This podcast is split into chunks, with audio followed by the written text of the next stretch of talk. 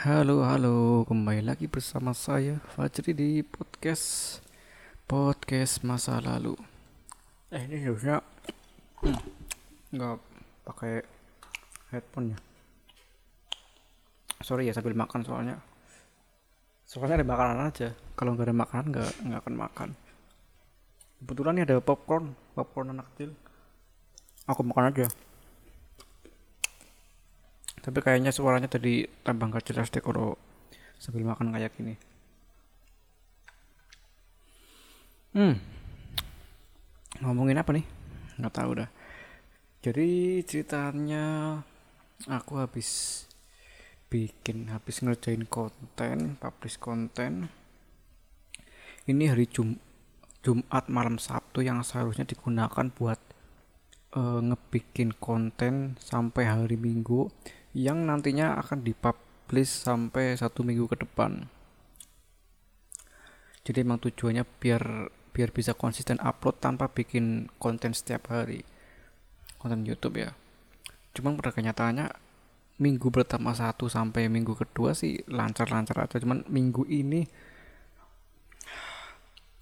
entah kenapa mungkin kan kal, uh, karena aku mencoba maksain diri buat uh, nge-publish konten satu hari dua kali. Jadi malah jadi berantakan kayak gini. Dan ternyata aku aku nggak sanggup. Uh, konten yang uh, kemarin aku aku rencanain buat satu minggu ke depan dan publish satu hari dua kali ternyata malah berantakan sampai sekarang nggak dikerjain. Bukan gak dikerjain sih nggak beres aja. Nggak semuanya kelar. Dan ya satu minggu ini berantakan banget. Mungkin ini harus benar-benar dibetulin nih jangan satu satu hari dua kali deh.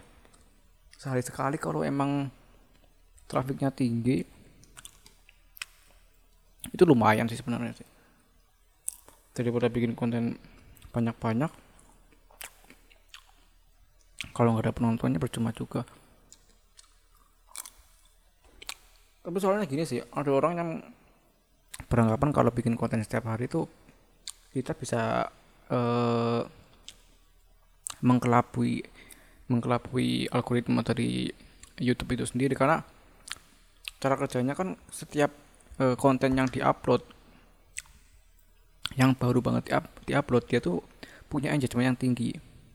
Terus uh, lama kelamaan kalau memang gak ada interaksi gak ada interest ya engagementnya akan turun sendiri sampai videonya nggak punya engagement dan nggak bisa dan nggak dipromosiin sama algoritma. Nah makanya ada orang yang berasumsi kalau kita bikin video setiap hari atau bikin more content lebih banyak konten lagi artinya kita bisa ngecit bisa ngelabui engagementnya dong. Karena setiap konten yang kita upload akan punya engagement yang tinggi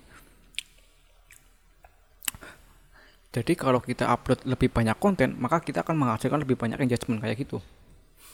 Cuman pada pada prakteknya ada uh, channel kompetitor ya, channel sebelah yang dia tuh satu hari bikin sampai empat video, dia publish empat video satu hari. Memang sih di dijangka retensi beberapa uh, beberapa jam. Tapi view-nya tuh nggak ada. View-nya nggak ada nggak ada banget atau mungkin karena dia gak gak diseriusin ya apa ya uh,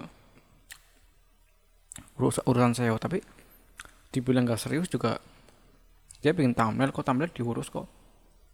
Deskripsi tag segala macam diurus walaupun walaupun ngurusnya tuh kayak pasaran banget gitu ya.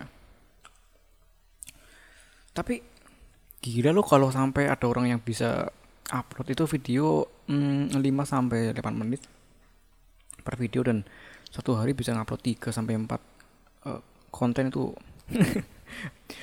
antara dia pengangguran banget atau gimana gitu. Emang waktunya digunain buat kayak gitu doang. Cuman aku sendiri yang bikin video pun satu hari satu video pun itu memang makan banyak waktu loh itu makan banyak waktu karena uh, untuk bikin video sama video seperti yang aku, aku buat kan uh, yang dibutuhin tuh kita riset keyword dulu. Kita riset, riset ya kita kita buat kalian yang nggak tahu kita bikin video game. Kita riset dulu game apa yang, yang lagi rame. Kalau udah dapat uh, keywordnya kita riset lagi uh, keyword keyword khusus meta keyword namanya lo short tail keyword sama long tail keyword di mana kata kata kunci kata kunci itu nantinya akan kita racik untuk deskripsi video kita sama uh, kolom keyword di di YouTube Studio kita. Setelah kita dapat judulnya udah dapat menentukan judul, uh, ngeracik deskripsi, kemudian uh, cari keywordnya, barulah kita kita ngedownload aplikasinya. Uh, udah ngedownload langsung masuk ke produksi bikin konten. Kita recording. Recordingnya pun bukan sembarangan recording kita harus cari momennya cari momen yang menarik. Kalau nggak kalau nggak menarik ya percuma juga ngapain kita bikin uh, video durasi sekian kalau nggak ada kalau nggak menarik itu jadi kita usaha usahain biar menarik. Uh, dan yang bikin masalah recording tuh nggak bisa setiap saat nggak bisa. Ya udah deh kita saat ini kita recording. Saya recording nggak bisa kayak gitu. Momennya tuh harus ngepas karena kita di rumah. Di rumah banyak anak kecil rame juga jadi kan berisik akan itu akan sangat mengganggu sih terlebih lagi Davis kita nggak bisa nggak bisa pakai komputer sendiri dan pakai handphone saya sendiri karena komputer saya masih spek kentang kemudian handphone saya juga kentang. Lagian memorinya penuh juga kalau recording nggak akan bisa. Jadi aku pakai ini handphone nama saya. Yang di mana handphone nama saya juga masih kentang tapi uh, masih mumpuni lah buat buat main game karena karena baru kok HP, HP baru. Jadi um, memorinya masih kosong jadi masih mulus gitu. Karena handphone kan kalau semakin banyak memori semakin banyak buat nyimpen file performanya juga pasti akan menurun. Yang bikin masalah lagi masalah ini masalah paling berat sih. Jaringan internet ini yang bikin masalah.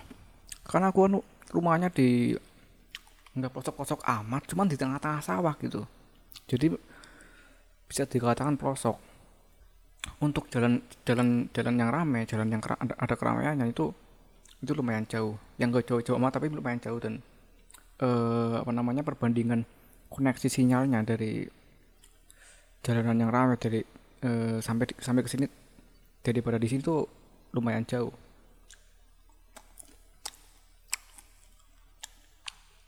Um, mungkin mungkin uh, desaku tuh desa yang satu-satunya desa di kecamatan sini yang jauh dari tower gitu. Jauh dari apa sih namanya? Tower kan bener kan? Menara menara ISP menara, internet. Jadi jaringan tuh lama banget men. Kalau kita cek uh, backspeed insight di di sini eh oh backspeed insight. Uh, apa sih namanya tes jaringan internet lah pokoknya gitu. Kalau kita tes jaringan internet di sini tuh nggak nggak akan sampai satu MB men. Semua kartu udah pernah aku coba dan gak ada yang berhasil nggak ada jaringan yang lebih 1 MB atau 2 MB kan itu kan standar banget ya. Jaringan 1 MB 2 MB kan 1 Mbps ya. Itu kan eh, kecepatan akses jaringan yang yang standar. Itu nggak nyampe men. Untuk ngedapetin eh, kecepatan internet sampai di atas 500 atau di atas 500 MB bahkan belum sampai 1 MB oh 500 MB 500 KB belum sampai 1 MB itu handphone saya harus ditaruh di ventilasi tembok atau di atas lemari. Yang di mana makanya kalau aku lagi kerja di komputer handphone pasti nggak aktif. Bukan nggak aktif tapi nggak nggak respon lah. Karena handphone aku tuh aku jadiin wifi kemudian aku taruh di atas di atas lemari atau di atas ventilasi. Jadi kalau ada pesan telepon nggak kayak nggak bisa respon full di komputer. Soalnya mau pasang wifi juga nggak bisa di sini.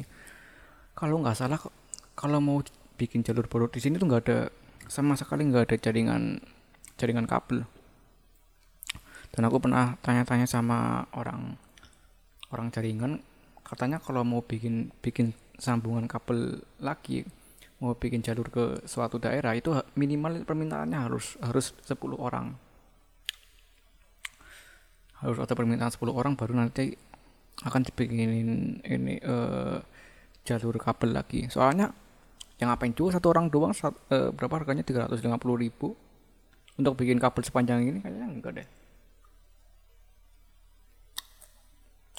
panjangnya sih untuk ke uh, ini ya untuk uh, jalan jalan yang lumayan rame. Berapa kilo sih? 3 kiloan lah 3 kiloan. 3 kilometer. Itu lumayan lumayan juga ya loh lumayan panjang. Soalnya kalau jalur jalur panjang terus rame itu kan emang akan menguntungkan bagi pihak ISP bagi pihak uh, pelayanan jaringan internetnya soalnya kita desanya di tengah-tengah sawah jadi jarak antara hmm, apa namanya jarak antara poin kabel sampai ke sampai ke desa saya yang yang yang di mana itu harus ngelewatin sawah dulu. Itu akan sia-sia men. Jalur, jalur jalur kabel di sawah itu akan akan sia-sia. Karena gak ada yang make kalau di tempat peramaian kan ini kabel bisa disambungin ke sana ke sini gitu loh ke kanan kiri rame. Tapi untuk narik kabel untuk melewati sawah tuh eh, dari jarak di sawahnya itu loh yang gak, gak kepake kabelnya. Mana di sini orang kayak dikit banget lagi ngapain matang-matang wifi dan ini akan sangat akan sangat menyiksa banget karena semua aktivitas saya baik sekolah maupun bekerja sebagian besar bahkan hampir keseluruhan tuh digunain pakai internet. Saya saya ngapa-ngapain di internet? Belajar di internet mau main game ya di internet mau uh, kerja di internet mau uh, sekolah juga di internet. Sekarang sekarang daring sekolahnya. Men makin pusing sekarang men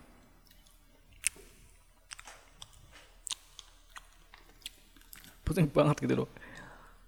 Apalagi kalau hujan? Hmm. Ini paling parah sih kalau hujan.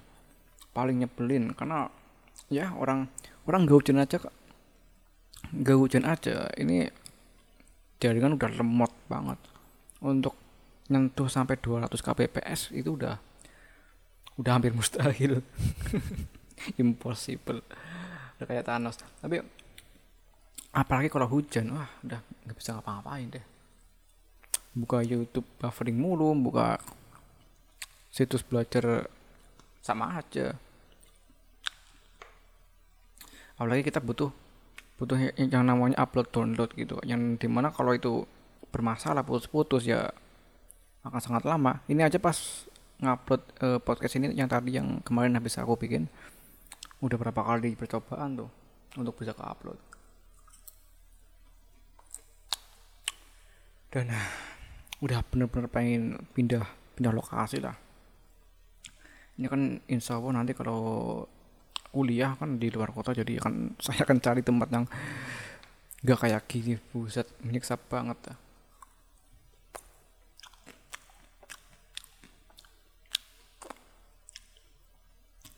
Um, apa nih? Ngomongin internet doang kah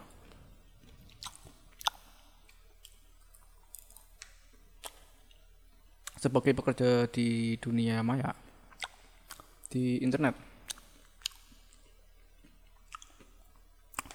Satu lagi aku juga kerjanya malam antara jam ya habis maghrib sampai malam lah. Atau sampai subuh anjir. Ya memang kayak gitu karena kalau siang itu traffic makin panjang. Traffic makin ramai gitu ya. Orang-orang pada kan orang-orang pada yang di kantor pada pakai internet orang-orang yang lain juga pada bangun. Banyak yang uh, beraktivitas gitu lah di internet. Kalau siang-siang kalau malam kan lebih sedikit. Jadinya kalau malam tuh internetnya jadi lebih cepat gitu. Makanya aku setiap hari ya kayak gini. Online. Sampai mau subuh. Untuk sampai subuh gitu. Tapi untuk malam ini enggak sih. Ini, ini udah jam setengah 12 dan jam 12 nanti saya akan tidur. Bukan tidur sih mencoba untuk tidur karena dari kemarin mencoba untuk tidur kalau nyatanya nggak berhasil terus. Nggak tahu kenapa ya kalau di sini tuh kan ini kan posisinya lagi duduk nih. Ngerjain sesuatu. Perasaannya kayak males udah capek ngantuk. Tapi pas tidur tiduran itu ngantuknya hilang semua bro. Ngantuknya hilang semua kampret ya padahal aku kerja atau tidur tuh di kamar-kamar juga loh. Ini aku kayak gini sih duduk di kamar. Kalau mau tiduran ya tinggal ke samping aja tuh. Di samping tempat tidur tidur di situ. Tapi kalau tiduran tuh uh, entah kenapa ngantuknya udah udah hilang semua ke, kemudian off ditambah lagi overthinking. Itu yang bikin saya jadi tambah susah untuk uh, untuk tidur karena nggak tahu ya. Bawaannya pengen mikirin sesuatu yang yang nggak masuk ke akal gitu. Oh iya. Kalian tahu ke keabadian nggak sih? Keabadian itu ketika kita nggak ketika kondisi bisa sama seperti itu selamanya ya. Kalian pernah nggak sih kalian mikirin kalau kalian mati nih kalian mati terus kalian masuk neraka atau masuk surga apalah gitu tuh itu kan selamanya ya. Cuman selamanya tuh selama sampai kapan gitu? Kalau kita masuk mati terus masuk neraka selamanya selamanya sampai kapan? Kalau kita mati masuk surga sur uh, di sana di surga tuh sampai kapan gitu?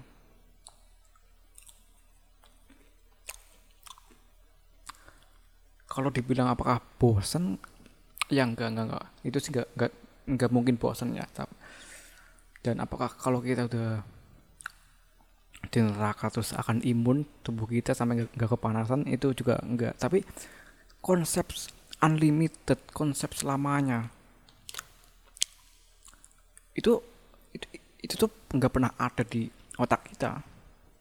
Karena di sini tuh memang ya memang kan be, memang di dunia sama di akhirat kan memang beda cuman apa itu selamanya? Nggak ada yang benar-benar selamanya. Kalau kita memang di surga selamanya terus ngapain anjir? Kita hidup kan yang bikin seru kan karena kita punya tujuan karena kita punya sesuatu karena kita menjalani proses di yang di mana kalau ada proses berarti ada titik berhentinya. Kita ada titik mulai titik proses kemudian titik berhenti. Kalau udah meninggal dan, dan katanya bisa hidup selamanya ya, ya ngapain anjir? Ngapain? Ngapain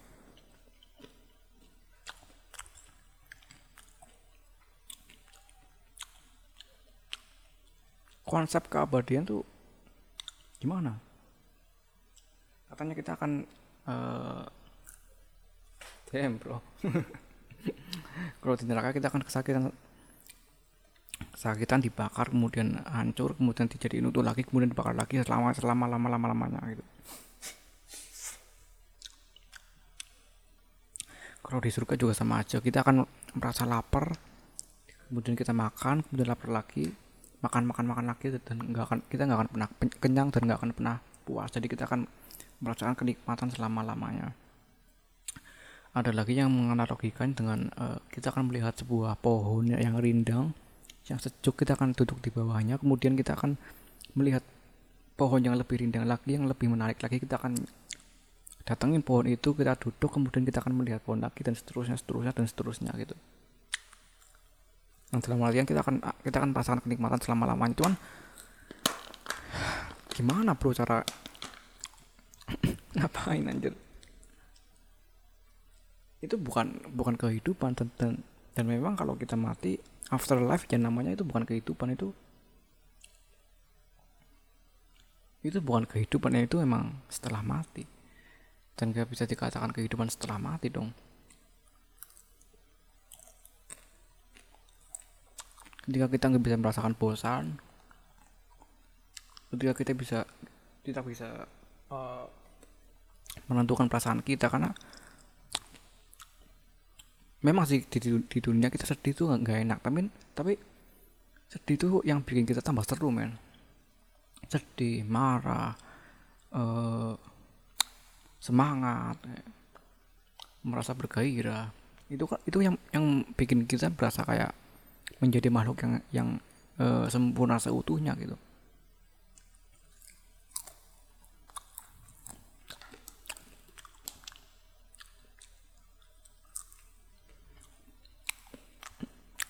Jadi konten ASMR ya.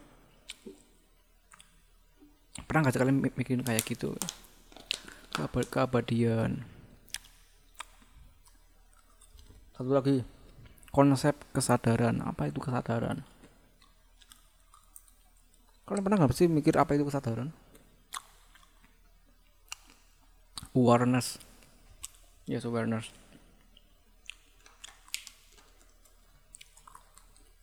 Apakah makhluk hidup? Seperti kucing hewan-hewan kayak gitu apakah mereka punya mereka punya kesadaran? Punya sih punya sih. mungkin punya sih. Punya lah punya lah punya lah punya dong mereka kan hidup mereka sadar hidup kalau mereka tidur kita mereka nggak sadar nah itu kalau kita kalau kita bangun dari tidur itu kan kita sadar nih kenapa kalau kita tiduran itu kita nggak sadar Kenapa? Kenapa kesadaran itu hilang pas kita tidur? Why? Apakah karena karena kalau kita tidur terus kita masih sadar itu artinya kita tidur dan kita nggak pernah istirahat? Atau gini deh, lumba-lumba, lumba-lumba kan separuh tidur dan separuh tidur dan separuh bangun. Oke. Lumba-lumba itu kalau tidur tuh dia naik ke permukaan air kemudian dia tidur tapi dia masih bangun gitu dia tidur tapi bangun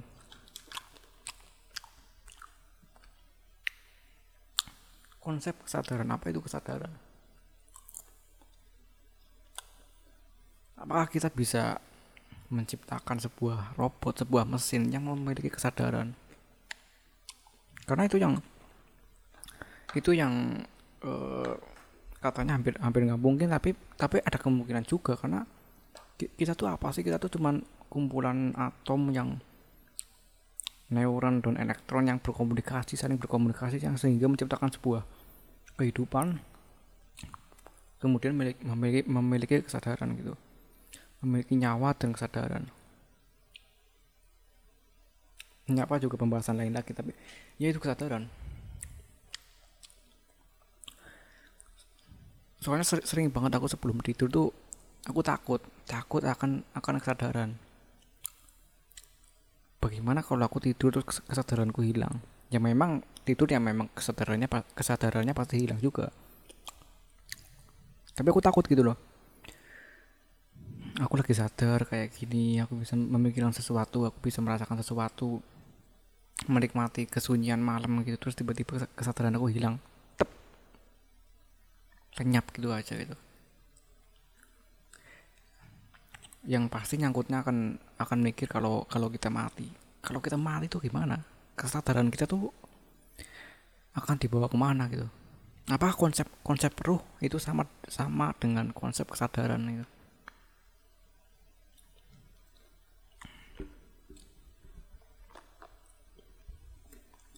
sumpah sering banget sering banget aku sebelum tidur tuh mikir bukan mikir juga tapi ketakutan. Ini kalau aku kesadarannya hilang gimana ya? Sadar terus tiba-tiba hilang lenyap aja. Kalian pernah gak sih ngerasain transisinya?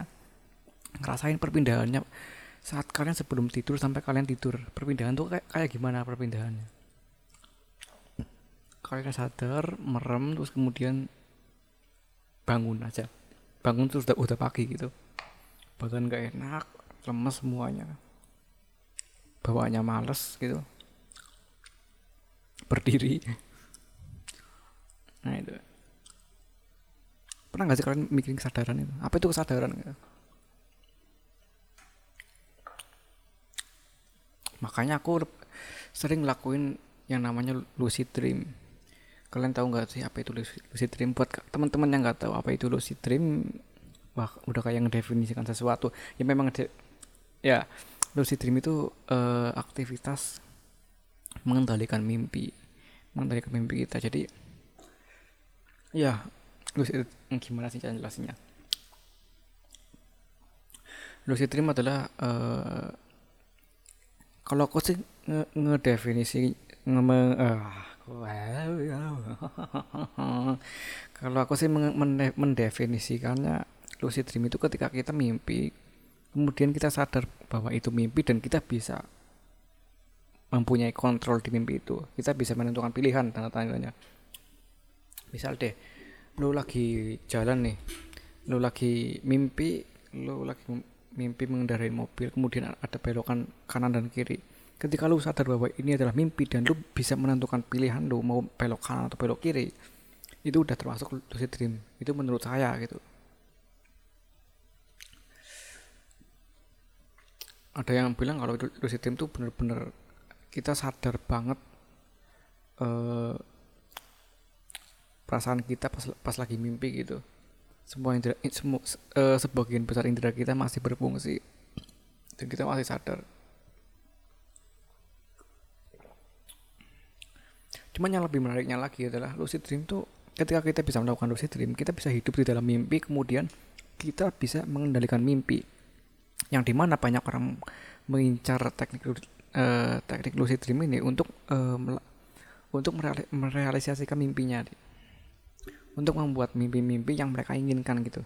Misal mimpi di uh, apa namanya? Mimpi di pegunungan di alam-alam yang indah mimpi masuk ke game mimpi ya intinya mimpi-mimpi yang belum terwujud itu bisa di, diwujudkan dengan lucid dream dan tentu saja itu e, sebatas mimpi doang gitu bukan bukan kenyataan. Ada juga dampak negatif dari lucid dream katanya kalau kita keseringan lucid dream kemudian kita sudah terlalu expert e, kita bisa lupa mana realita dan mana dunia mimpi. Karena saking miripnya gitu karena saking udah udah kebiasaan dan udah udah expert mengendalikannya dia udah mimpi dan uh, dia dia nggak bisa bedain mana mimpi mana realita. Justru malah dia pengennya tuh mimpi terus karena mimpi itu lebih indah dari real, dari realita dia. Ya aku aku juga sering buat kayak gitu. Um, karena menyenangkan aja gitu. Ketika kita bisa kita hidup nih sadar nih.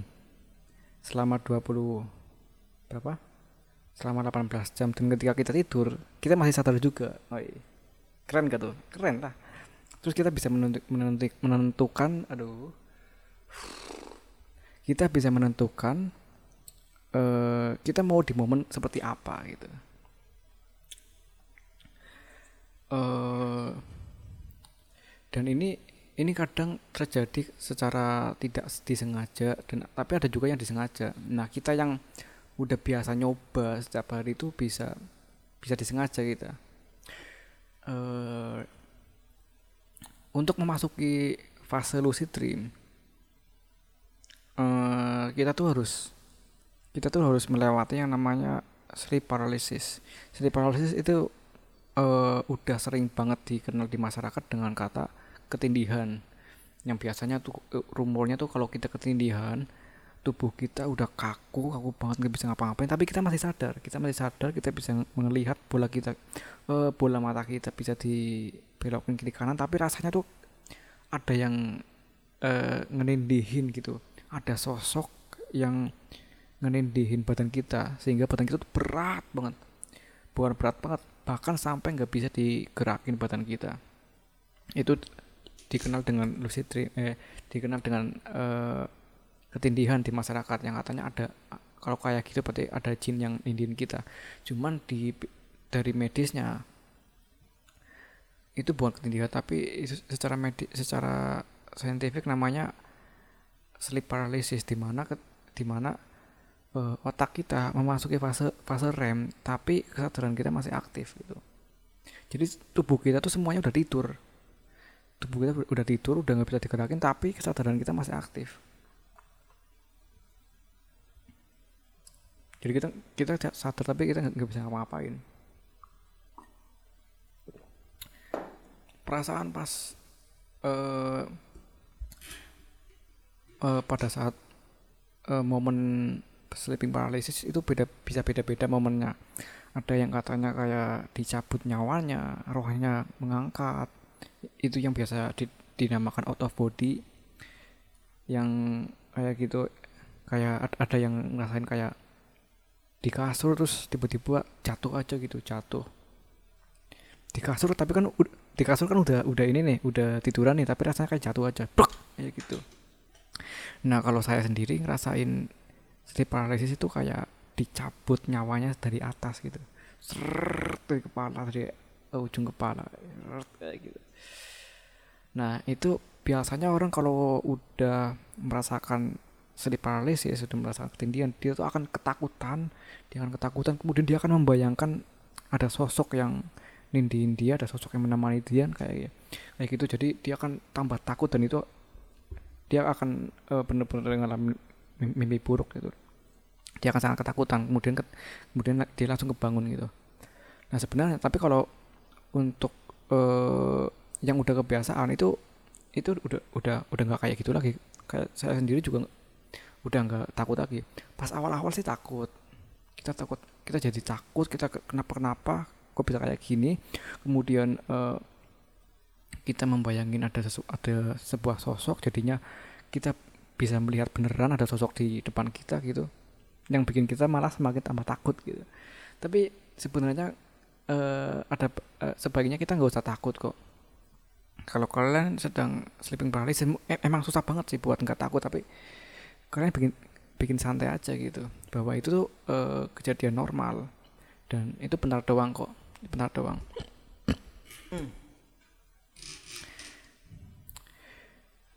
Ini juga cara untuk masuk ke fase lucid dream. Kalau kalian takut kalian akan panik panik semakin panik kemudian kalian akan bangun. Nah orang-orang yang mau melakukan lucid dream ketika sedang mengalami sleep paralysis dia akan uh, kita kita kita akan santai santai aja. Nggak nggak usah ketakutan nggak takut. Kemudian kita akan membayangkan mimpi yang akan kita akan kita jelajahi itu misal kita lagi ya di apa sih namanya sih? Di daerah pegunungan kita lagi jalan-jalan gitu. Pas pas lagi fase ini ya fase sleep paralysis. Kita lagi pegunungan jalan-jalan terus kita pikirin terus gimana momennya gimana detailnya kita lagi ngapain jalan kayak gitu. Dan lama kelamaan kita benar-benar akan masuk ke momen itu. Kita akan benar-benar masuk ke apa yang sedang kita pikirkan. Dan di situ kita bisa benar-benar bisa mengendalikan mimpi kita. Kita bisa jalan ke kanan ke kiri kita bisa lari-larian bukan cuma bisa lari-larian kita bisa terbang. Karena kita tahu kalau itu mimpi. Dan itu aku sering banget kayak gitu. Terbang itu paling menyenangkan itu pasti terbang di setiap uh, mimpi lucid dreamku tuh pasti aku sempetin buat terbang karena wih terbang tuh enak banget men. Seperti di episode episode uh, sebelumnya kan aku udah pernah ceritain kalau cita-cita kecilku tuh salah satunya merasakan zero gravity. Nah di lucid dream itu kita bisa melakukan apa pun yang kita inginkan. Kita tinggal bayangin aja kemudian kita tiba-tiba masuk aja terus ya udah kita bisa benar-benar mengendalikan mimpi, mimpi kita gitu Nah, selanjutnya keluar dari mimpi. Keluar dari mimpi. Kalian pernah nggak sih uh, keluar dari mimpi? Sengaja keluar dari mimpi. Kalian sadar kalian mimpi, kemudian kalian keluar gitu dengan disengaja. Banyak orang yang nggak bisa kayak yang yang nggak bisa kayak gitu dan aku tuh entah kenapa aku tuh bisa bisa keluar dari mimpi. Setiap aku mimpi sih itu aku aku sadar sebagian besar ya. Aku sadar bahwa itu mimpi dan aku selalu uh, bisa kapan aku harus keluar. Ya meskipun lebih sering keluar sendiri gitu. Nggak tahu dah kenapa kenapa tiba-tiba keluar. Mungkin keganggu nyamuk atau emang udah siang gitu jadi keluar. Sorry sorry sorry, sorry. oke. Okay. ya aku selalu selalu sadar bahwa itu mimpi. Kemudian saya akan gimana cara ngeluarinya?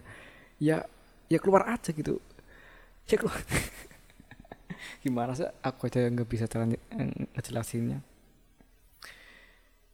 Ya keluar aja gitu. Kita sadar bahwa itu mimpi. Wah ini mimpi nih. Ayo bangun bangun bangun bangun bangun bangun, bangun. terus kita keluar gitu. kalau kalian nggak tahu itu mimpi atau bukan ya tinggal cupit diri sendiri aja. Cupit cupit badan gitu. Biasanya kan ada ada di scan-scan film tuh atau di scan-scan animasi ada wah ini ini mimpi apa, apa bukan sih kayak gitu. Terus cupit diri sendiri. Aw kayak gitu. Aku kira itu bohongan ternyata emang ada. Tapi kalau kalian udah sadar bahwa itu mimpi ya kalian udah masuk ke fase lucid dream di mana kalian sebenarnya bisa mengendalikan mimpi itu.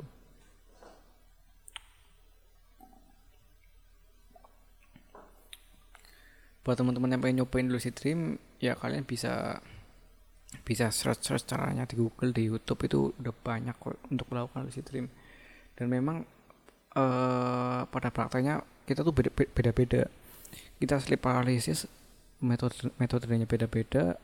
Kemudian untuk lucid dream juga beda-beda gitu. Pengalamannya beda-beda. Tinggal kalian jelajahi aja explore aja kira-kira yang cocok buat kalian oh, tuh kayak gimana. Soalnya tadi kan aku nyebutin untuk masuk ke fase lucid dream kita harus harus melewati fase sleep paralysis tapi ada juga ada juga yang cukup populer juga tekniknya yaitu dengan memikirkan sesuatu memikirkan momen memikirkan gambar e, mimpi yang akan kita alami saat sebelum kita tidur. Jadi kita sebelum tidur kita mimpi kita bayangin terus kita mau mimpi apa sampai kita ketiduran. Nah nanti itu kita tiba-tiba udah udah mimpi aja. Ada juga yang e, melakukan berhitung. Jadi pas kita merem nih kalau bahasa bahasa Jawanya sih ngeliyep ngeliyep itu uh, proses sebelum tidur merem gitu. Pas lagi kita ngejamkan mata sebelum tidur.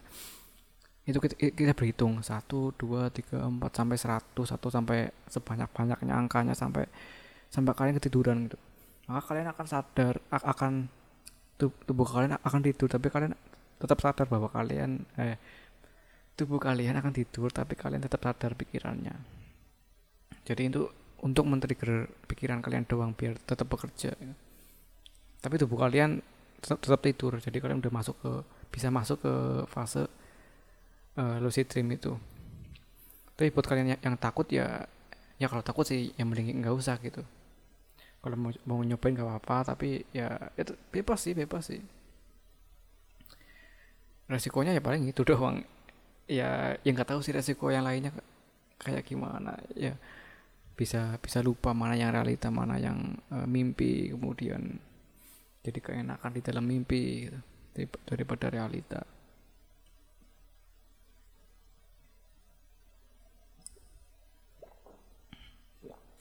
Karena dulu aku juga nggak sengaja sih nggak sengaja ng ngalamin lucid dream kayak gitu. Dan ada ini ini baru banget sih baru aku baru banget baru tahu banget uh, beberapa hari yang lalu bahwa ada ada musik khusus yang bisa digunakan untuk melakukan lucid dream.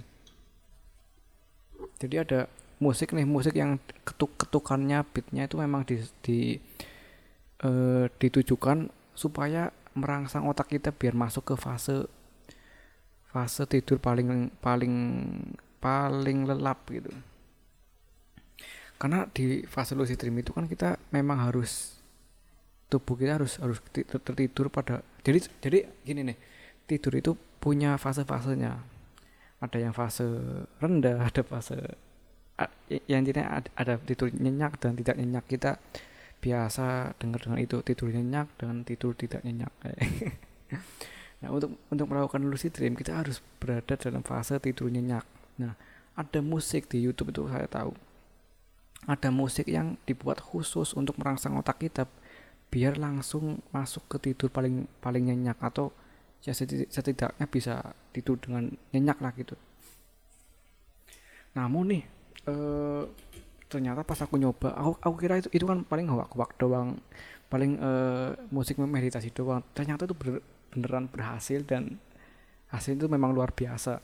Di situ ada tulisan eh, not for beginner this is uh, uh, apalah bisa bahasa Inggris. Uh, extreme audio. Extreme audio uh, audionya pun lumayan menyeramkan gitu. Kemudian ya udahlah ekstrim ekstrim apaan sih? Aku tiap hari udah biasa dan ternyata yes pas aku cobain buset itu ah hampir semua indera aku itu berfungsi di dalam mimpi. Yang yang artinya kita bisa merasakan kita bisa lari kita bisa kelelahan terus kita bisa apa ya ya kayak gitulah. Dan untuk keluar dari mimpi itu wah ternyata sulit banget. Lebih sulit dari kayak biasanya gitu lah. Dan aku makanya aku mengakui bahwa wah ini ternyata bekerja, bisa bekerja juga loh musik kayak gini. Untuk keluar dari mimpi itu tuh lumayan susah gitu. Setelah saya keluar dari mimpi dari lucid dream saya mengalami ini uh, sleep paralysis. Jadi posisi tidur tidur aku kan miring. Terus ya tidur posisi tidur aku miring kemudian kaki aku juga dempet gitu. Dempet itu apa sih namanya? Ya itu dempet lah. Terus aku coba gerakin kakinya. Wah kakinya bisa digerakin nih. Aku udah ngerasa kayak bangun. Tapi pas aku lihat ke aku lihat ke kaki aku ternyata kaki aku tuh belum nggak gerak sama sekali gitu. Tapi aku aku ngerasanya udah udah udah gerak gitu. Aku, aku ngerasanya udah gerakin uh, badan aku tapi ternyata badan aku badan aku belum gerak. Kalau kita sleep paralysis itu kan kita benar-benar nggak bisa gerakin tubuh karena kaku. Karena tubuh kita nggak bisa gerak sama sekali. Nah kalau kalau ini yang aku alami aku alamin aku bisa kerasa gerak gerakin anggota tubuh aku tapi tuh, anggota tubuh aku tuh nggak nggak gerak sama sekali. Dan itu aku mulai wah gimana nih? Aku sadar bahwa itu aku udah ngerasain uh, fenomena out of body. Ya yang di mana ini fenomena umum yang, yang biasa orang kejar buat buat bangun dari uh, tidur kita. Tapi kita bisa ngelihat diri kita sendiri gitu. itu menyeramkan banget dan aku nggak pengen itu. Makanya aku berusaha buat sadar sadar dan sadar. Akhirnya benar-benar bisa sadar dan ah terbebas. Senang sekali. Langsung aku matiin itu musiknya. Karena musiknya tuh ada yang 5 jam ada yang 8 jam bahkan ada yang 12 jam kalau nggak salah. Dan ya itu nggak sangat nggak disaranin saranin buat kalian yang beginner atau sekedar ingin coba-coba. Lumayan bahaya bahaya juga soalnya. Oke ini udah udah 42 menit. Mau ngedit males jadi uh, mungkin nggak akan aku edit. Jadi kita tutup aja deh uh, podcast malam ini. Ini udah jam berapa sih? Um, jam 23.55 udah waktunya tidur buat berangkat sekolah besok. Oke sekian podcast dari saya. Kalau kalian mau kirim pertanyaan atau berinteraksi dengan saya pengen ngobrol atau ngapain bisa kirim email ke fajri fajri at fxploit.com atau DM di fajri.fhx Oke sekian dari saya dan bye bye